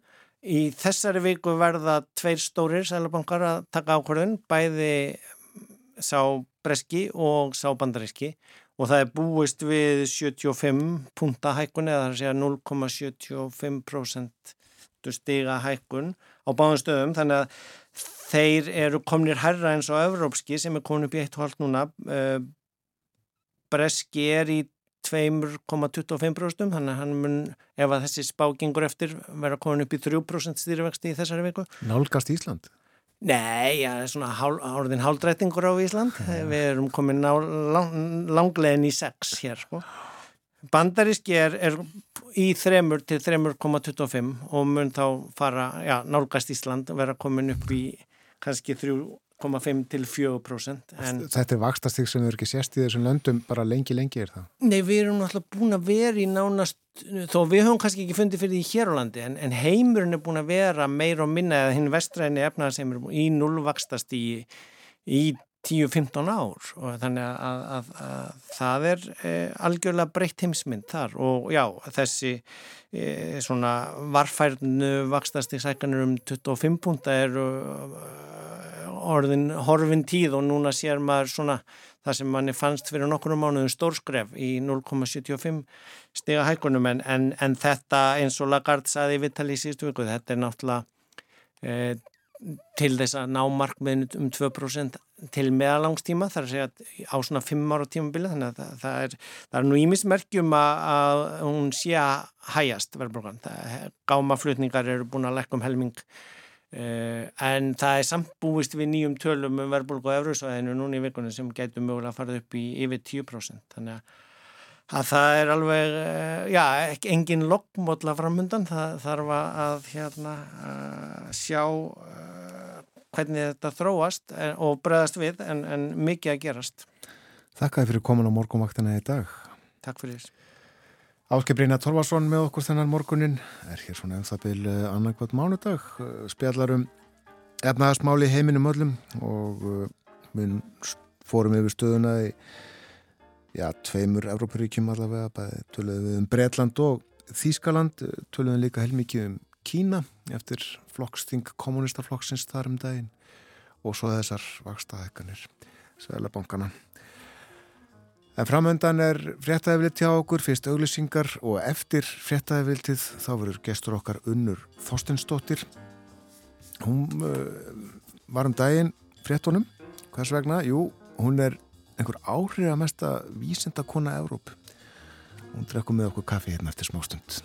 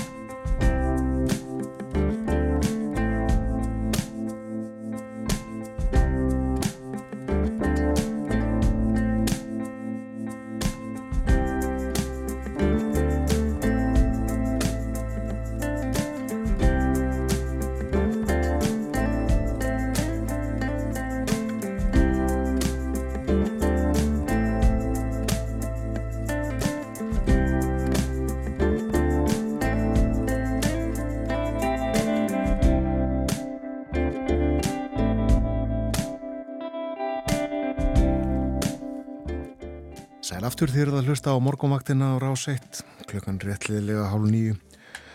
Umsjónamenn þáttarins Björn Þór Sigbjörnsson og Þórun Elisabeth Bóadóttir og uh, framundan síðasti hlutin hjá okkur þennan morgunin. En fyrir ykkur sem voruð að vakna þá er mánudagur í dag og síðasti dagur oktober mánadar, 30. og 1. oktober í dag. Og lítum örstuð til veðurs. Suðlegaða breytilega átt í dag, 5-13 metrar, kvassast austan til framanna degi en á suðvestulandi setnipartin og rigning eða súld öðru kvoru í flestum landslutum. Hiti 2-10 stiga deginum hlýjast siðst. Það dregur svo úr úrkomu í nótt og uh, veðrið verður, já, svipað á morgun áfram suðlega átt aðeins hægari vindur 3-10, skíjað með köplum, dálítil væta norðan til en þurft að mestu annar staðar. Það snýst þú í austlæga átt síðdegis og rignir síðist seint annað kvöld hitin svipaður. Fyrir helgi var byrtur listi research.com um áhrifamestu vísendakonur heimsins. Og hvað er research.com? Það er vettvangur miðlunar um rannsóknir, vísinda, ráðstefnur og vísindamenn og miðl sem að fjallar um vísindi á breyðum grunni. Og sömuleiðis er, eru byrtir alls konar listar yfir framúrskarandi tímaritt, vísindamenn og ráðstefnur sem sagt mikilvægur vefur í fræðarsamfélögum heimsins. Og á þessum lista yfir áhrifamestu vísindakonur heimsins var einn Íslandingur, Unnur Þorsteinsdóttir. Hún er fórseti Hilbriðis vísindasviðis Háskóla Íslands og framkvæmdastjóri hjá Íslenskri erðagreiningu. Hún var ekki bara á listanum heldur efst yfir áhrifamestu vísindakonur álfunar og svo fymta áhrifamesta í heimi og hún er komin til okkar, velkomin á morgunvaktina Unur. Takk.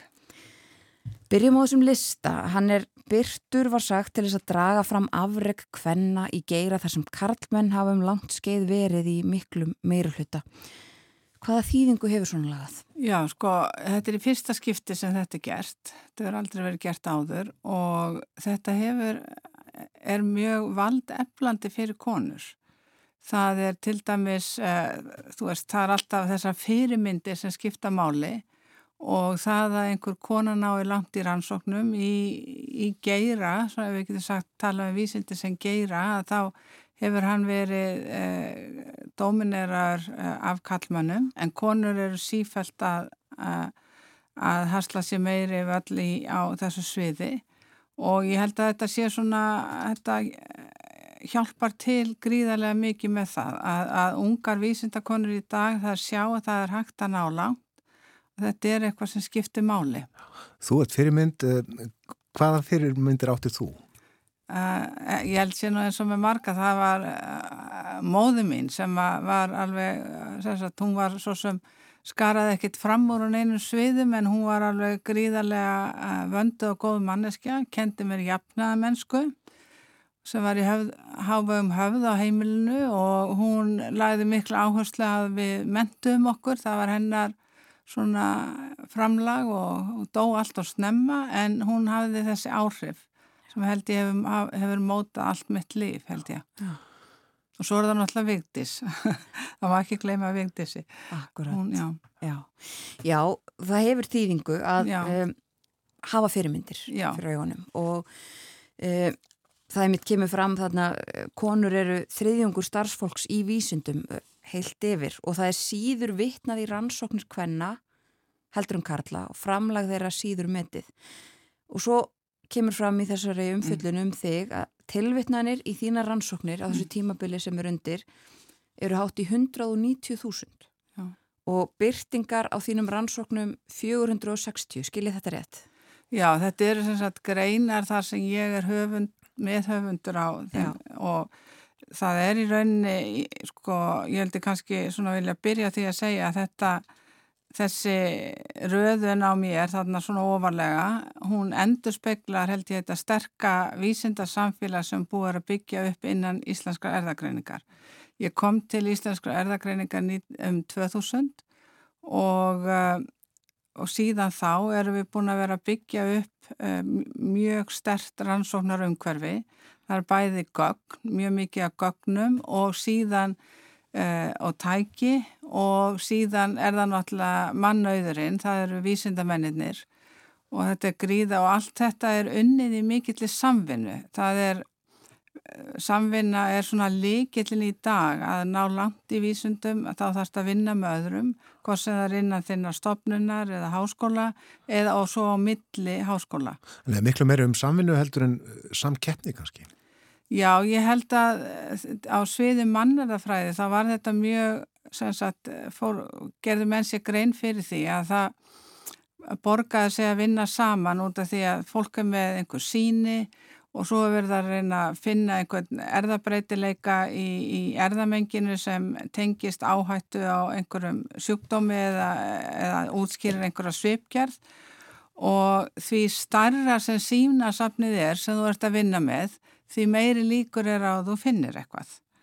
Og menn áttuðu sig á þessu svona í kringum eh, svona 2006-07 hvað þetta skiptir miklu máli og síðan þá að þá eru alls konar við kallum þetta konsortium þar sem að menn eru að skoða kannski eina svipgerð til dæmis fyturhlutfall, eh, sikursíki, hjart- og æðasjúkdóma og þá leggja mjög margar stopnannir og háskólar inn gögn á þessum fyrir þessar svipgerðir og svo er þetta rannsaka saman Já.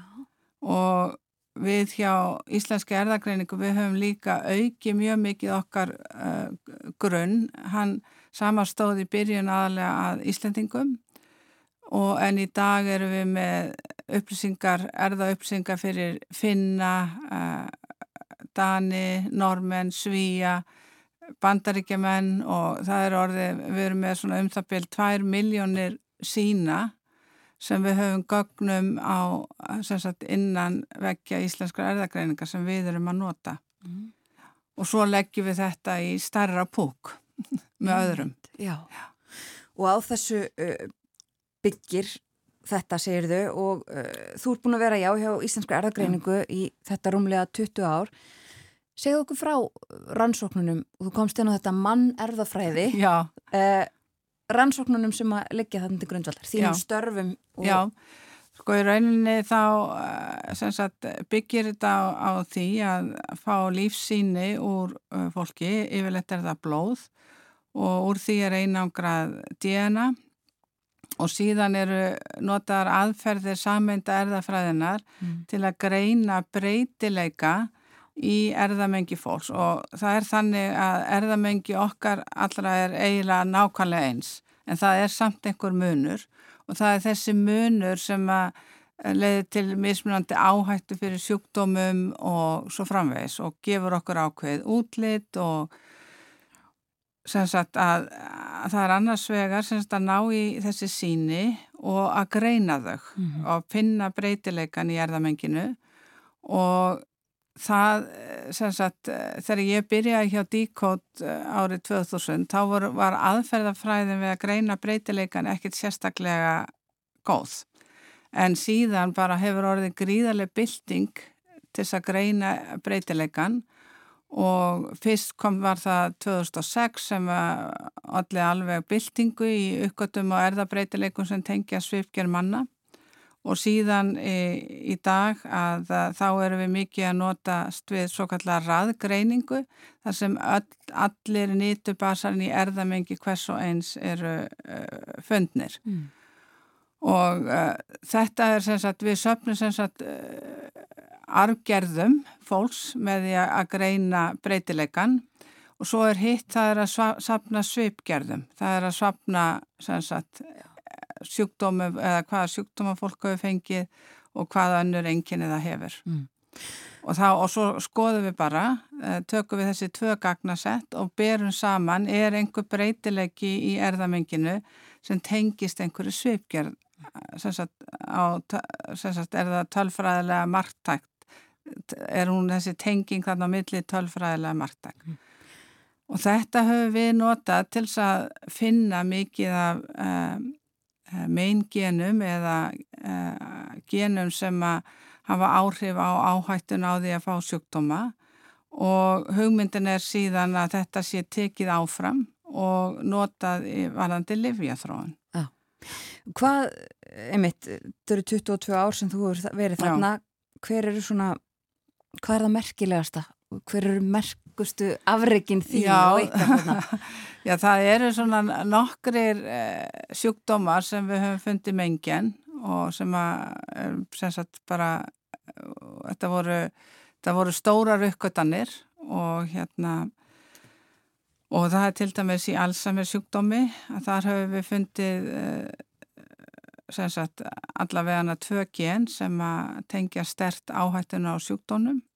Síðan er það í hjarta áföllum líka og svo hefur við fundið ímsabreitileika sem tengjast sjálfsónami sjúkdómum og, veist, og síðan er það líka krabbamein.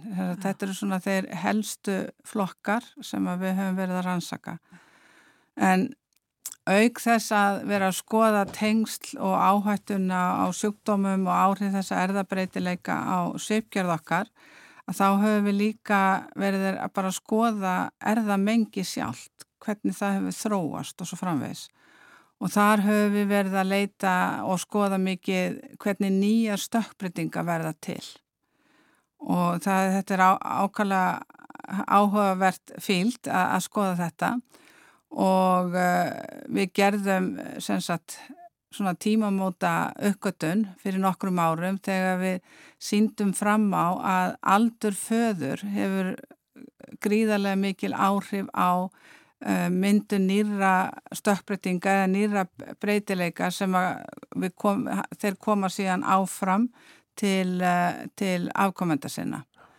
Og þess að eftir því sem fadrin er eldri þá eru sæðisfrumunar hans búin að vera að skipta sér mjög mikið bara frá því hann er kynþróska Eggkonunar hins vegar sitja bara í eggjastokkonum og býða og þar geta fengið svo kallaða litningabreitingar, svona starri breytingar en uh, mun minni, minna af öðrum gerðum stökkbreytinga. Það er koma aðalega frá uh, karlmanninu eða föðurnum. Og þetta hefur verið áhuga að vera merkileg uppgötunum? Já, þetta mjög, þetta er mjög merkilegt og, og hérna, og síðan höfum við haldið áfram að vinna með þetta, við höfum fundin á, ákveðin svæði í erðamenginu þar sem eru aukna stökkbreytingar hjá konum en með auknum aldri en kallmennir svona dóminera fjölda svona stökkbreytinga. Og það hefur orðið til uh, mikil þekking núna bara á síðustu árum á þessu sviði. Já. Sko hvar var þetta vegi statt þegar þú ert í námi á sínum tíma? Já, sko ég hérna var í lífræði námi sko á síðustu öld og uh, útskrifaðist með BS í lífræði 2004, nei, nei hérna 1984 fyrir geði og uh, á þeim tíma var svona þessi biotech uh, hérna bilgja, hún var ekki komin og rannsóknirna hér heima voru ekkert sagt, neitt mjög áhugaverðar og þess vegna ákvað ég að hérna, ekki að fara í rannsóknir heldur eh, tók kjenslufræði og var kennari í fjölbyttarskóla, kendi líffræði og efnafræði mm -hmm. Og en síðan var það, eftir ég hefa búin að vera að kenna um átta ár að þá náttúrulega var, var svona fylgjast með og sá að það var ímislegt að gerast og uh, sagt, ég fór út og ætlaði bara að vera svona tvö ár og bæta þess við mig og, og koma svo aftur í kjensluna en eftir fjóra mánu var ég komin í doktorsnám og e, svo var ekki aftur snúðið þannig að ég fór til Vancouver í Kanada og var svo heppin að lenda á mjög góður í rannsónastofu sem að gaf mér svona frelsi til að gera það sem ég vildi gera og það gekk vel og svo framvegis. Þannig að þið bara döð langaði að taka þátt í, í þessari nýju byltingu? Já, það var bara þannig, já, já og hérna, já. Og ekki áformað fyrirfram? Nei, þetta, nei, ég var ekki svona, ætlaði ekki vera vísindamæður alveg frá því ég fættist eitthvað svoleiðis. Nei, þannig að þú átt kannski líka tiltölulega stuttan feril að baki sem vísindamæður, svona fóst, fóst sinn í doktorsnámi? Já, ég var 33 ára þegar ég byrjaði í doktorsnámi Já. og sagt, það er bara með allt í lífinu, það var aldrei á gamal til þess að byrja að gera eitthvað nýtt Já. og hérna þannig að Akkurat, og byrja að gera eitthvað nýtt. Eh, þú tókst líka við nýju öðru starfi til viðbótar í sumar sem fórseti helbriðisvísindasviðs Háskóla Íslands. Já. Eh, hvernig líst þér á það? Bara mjög vel. Það eru margar áskoranir og ég er að reyna að efla samstarfi en frekar milli Íslenskra erðagreiningar eh, og Háskólans og Landsbítalans. Mm og svo er náttúrulega bara mjög margar áskoranir sem tengjast því við þurfum að útskrifa fleiri læknanema, hjókunarfræðinema, talmeinafræðinga. Það er svona krísa í helbreyðis eh, á helbreyðsviðinu hérna. Mm -hmm. og við erum svona að leita leiða hvernig best að gera það.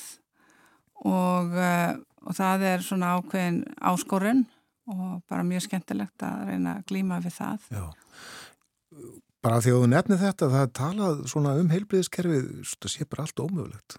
Já, það er það nú ekki. Fólk í öll sko. störf og, já, og allt já, orðið svo gammalt og lúið. Já, það er skortur á, á starfsfólki já. og við þurfum að leita leiða til þess að fjölga útskrifum og það eru alls konar, það hafa orðið svona alls konar breytingar á því hvernig fólk lærir í dag og til dæmis eru svo kallu uh, hermi og færnisetur sem að það sem að í staðan fyrir að vera að vinna með lifandi e, sjúklinga að þá ertu með bara dúkkur sem eru prógramerar til að hafa ákveðin sjúkdóm og svo uh, rannsakur þú þessa mannesku, gerir allt sem gera þarf.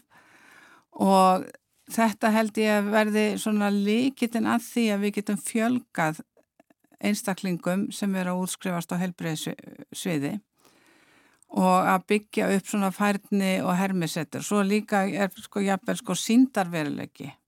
Þú getur verið í síndarveruleika að gera skurðagerð og ég held að það er þetta sem við þurfum að gera Já. til þess að fjölga nefnum. Að, að því að á, sko landsbítalinn getur kannski ekki tekið við öllum þeim uh, nefnendur sem þarf ef við ætlum að bæta við eða auka við þá sem eru útskrifast þannig að það þarf að finna einhverja leið, einhver, einhverja milli leið til þess að, að, að hjálpa þarna til. Já, þetta er framtíðin í, í þessu. Já, ég held það. Já.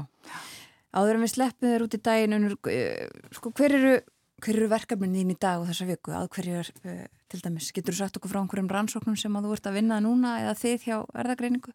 Já, við erum alltaf, sko, við erum nú er við að, höfum við verið að, að fókusera svolítið á, við byrjuðum fyrir nokkrum árum að skoða um, að mæla prótein í, í blóði.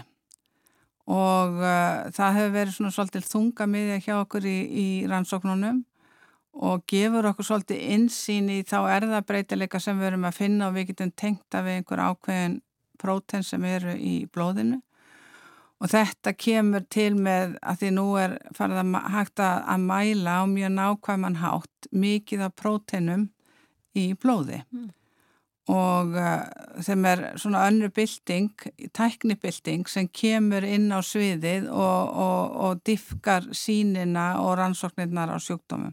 Þannig að þetta hefur verið mikill fókus hjá okkur undafarið á þessi prótein og við höfum verið að búa til svo kallu próteinskór þar sem að við tengjum saman prótein sem að finnast og notum þau til að meta áhættuna á því að, að fá uh, til dæmis kransaðsjúkdóm og uh, geti þá verið nota bara í klíning til þess að meta hvað, hvað, hver eru líkurnar á því að viðkomandi fái hjarta áfall eftir 5 ári eða 10 ári eða þannig að, að, að þetta er svona, þetta er ansi stort Já, eins og margt annað sem þú ert búin að nefna eh, við okkur, eh, ansi mörg stór verkefni eh, hjá þér og ykkur.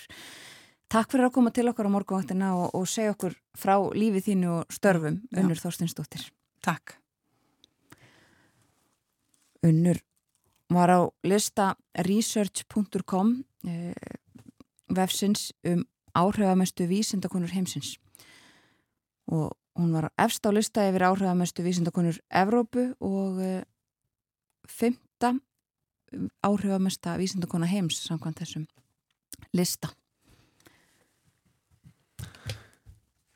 Þing Norðandaráðs uh, hefst í dag og stendur út vikuna fyrir fram í Helsingi og uh, á meðan þá er ekki fundir á alþingi þannig að þeir Bjarni Benditsson og Guðlugur Þór Þórðarsson geta dunda sig við það núna næstu daga fram að landsfundi sem hefst á förstu dag við að uh, sapna liði, sapna atkvæðum í formannskjörinu og uh, þó líklegt að þeir hittist á ríkistjórnafundi í fyrramálið. Já, ekki, þeir eru ekki meðal þeirra eh, hvað nýju þingmanna held ég sem eru í Helsingi. Heldur eru þeir hér að einbita sér að þessu móli. Hlustum á lag hér á þannig hluskan slær nýju. Þetta er Sofía Kallstóttir.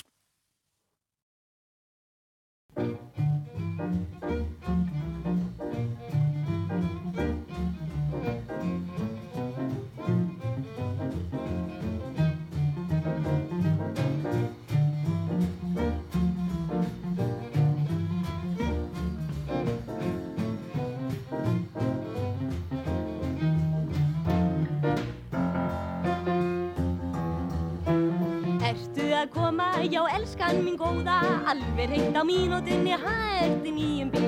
Alveg ertu ágætur, aðlega sætur. Ætla bjóða mér, það er alveg reynd í stíl. Og ef að það snjóar, þá eru til nóar. Kæðjur sem að koma okkur óhugtum allarleið Elskannan Dóri, minn sterkir og stóri Hann stýrir svo vel, þó gæt hann sé ekki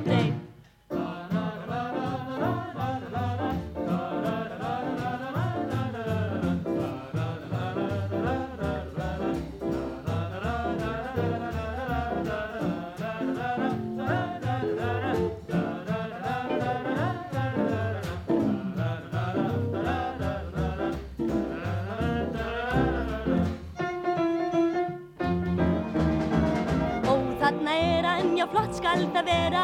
Forðin mótil 1900 og ég veit ekki hvað. Upp í hans stíg ég ástarvangjum flýjar Og upp í Mosul sveit fer ég ævintýra leið Með handtösku stóra ég haflaðist að dóra. Æ gormurinn í framsætinu stakk mig á verstasta Það er nú svona að freyja og vona En þetta lagar skjótt óri mín sér um það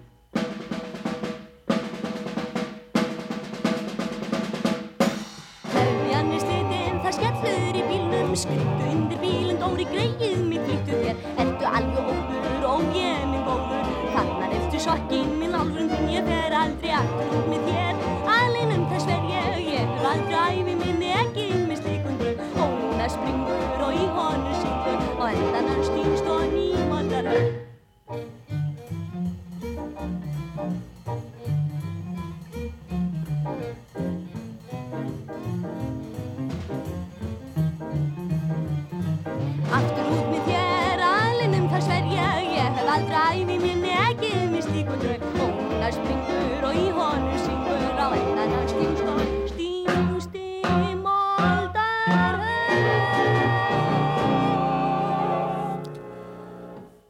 Sofía Kallstóttir söng Bílavísur, lægið Erlend Jón Sigursson samtið hennan íslenska texta. Það er komið að lokum morgunvaktarinnar í dag, klukkan alveg að vera nýju, framöndan auglýsingar svo fréttir. En við, Björn Þór og Þórun Elisabeth, höfum setið hér frá því fyrir sjö í morgun. Já, við rættum bandarísk stjórnmál, við rættum um eh, stöðu efnahagsmála við um heim, töluðum um áfallastjórnun íslenskra stjórnvalda og nú síðast var hjá okkur uh, áhrifamesta vísindakona Evrópu, Unnur Þorstensdóttir. Við þökkum samfélgina í dag, við verðum hér aftur í fyrramálið, morgumaktin hefst, alla verka morgna klukkan 10 mínútur í sjö og er til klukkan 9 og nú vandar klukkuna 4 mínútur í 9, svo við hveðjum. Verðið sæl.